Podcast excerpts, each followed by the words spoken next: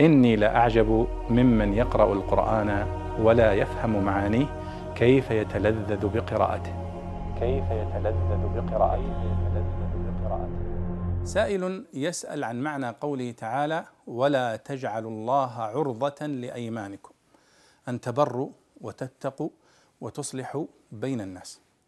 فيقول ما معنى عرضة؟ ولا تجعلوا الله عرضة فنقول في الجواب أن العرضة هو الشيء الذي يعترض بين شيئين. فإذا كان بينك وبين شيء بينك وبين مقدمة المسجد طاولة مثلا فنقول هذه الطاولة عرضة بينك وبين الإمام مثلا فتزيل هذه العرضة من طريقك.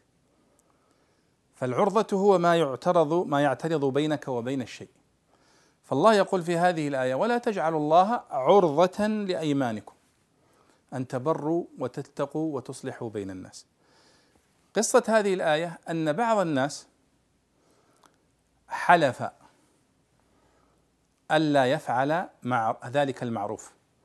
وقيل أن نزلت في أبي بكر الصديق رضي الله عنه وقيل نزلت في غيره لما آه، حلف أن لا ينفق على آه، ابنه. عبد الرحمن حتى يسلم.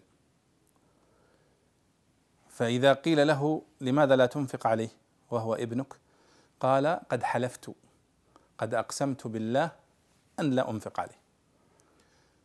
ولا لا بد أن أفي بيميني. فجعل حلفه هذا ويمينه عرضة تحول بينه وبين أن ينفق على ابنه أو أن يفعل المعروف. كأن تقول مثلا والله لا أزور فلانا.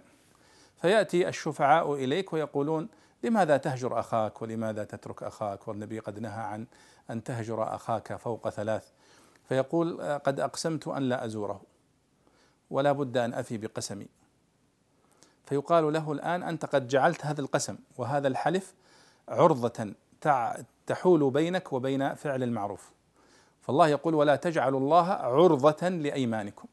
أن تبروا وتتقوا وتصلحوا بين الناس. لا تجعلوا الحلف والقسم معترضا بينكم وبين فعل المعروف. وهذا معنى قول النبي صلى الله عليه وسلم من حلف آه، على معروف أو أن لا يفعل شيئا من المعروف فليأتي المعروف وليكفر عن يمينه.